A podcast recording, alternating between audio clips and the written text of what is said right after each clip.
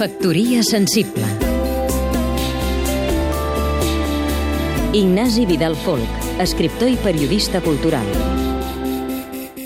L'arxipèlag, un vell i llarg poema de Holderlin dedicat al mar Mediterrani, a la Grècia clàssica i al seu llegat de bellesa i de filosofia, acaba amb aquests versos.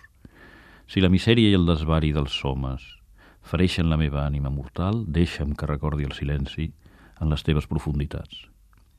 De vegades, sobretot en temps avorrits o difícils, on pensen aquestes coses com una solució, sent el desig d'escapar d'un món massa sorollós i massa ximple, i el desig d'escoltar el silenci en les profunditats del mar o de qualsevol altre fluid o substància.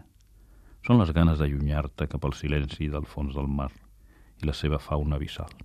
Si després tornes a la superfície, ho fas amb l'esperit net, rentat, enriquit amb el que has vist allà baix. Mons, alterns i silencis misteriosos estan a l'abast de la nostra mà a l'exposició Metamorfosis, al CCB. Reuneix les obres de quatre genis del cinema d'animació, el polonès Starevich, el txec Mayer i els americans germans Quay, i al seu voltant molts altres artistes i escriptors amb hipersensibilitat per descobrir i descriure mons onírics i malsons. Parlo de Goya, Granville, El Bosch, Lebrun, però també dels moderns Kubin, Schulz, Walser, Kafka, Felisberto Hernández, etc.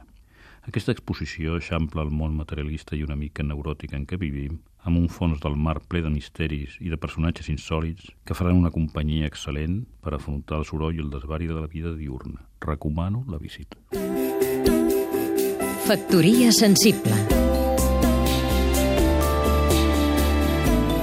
Seguim-nos també a catradio.cat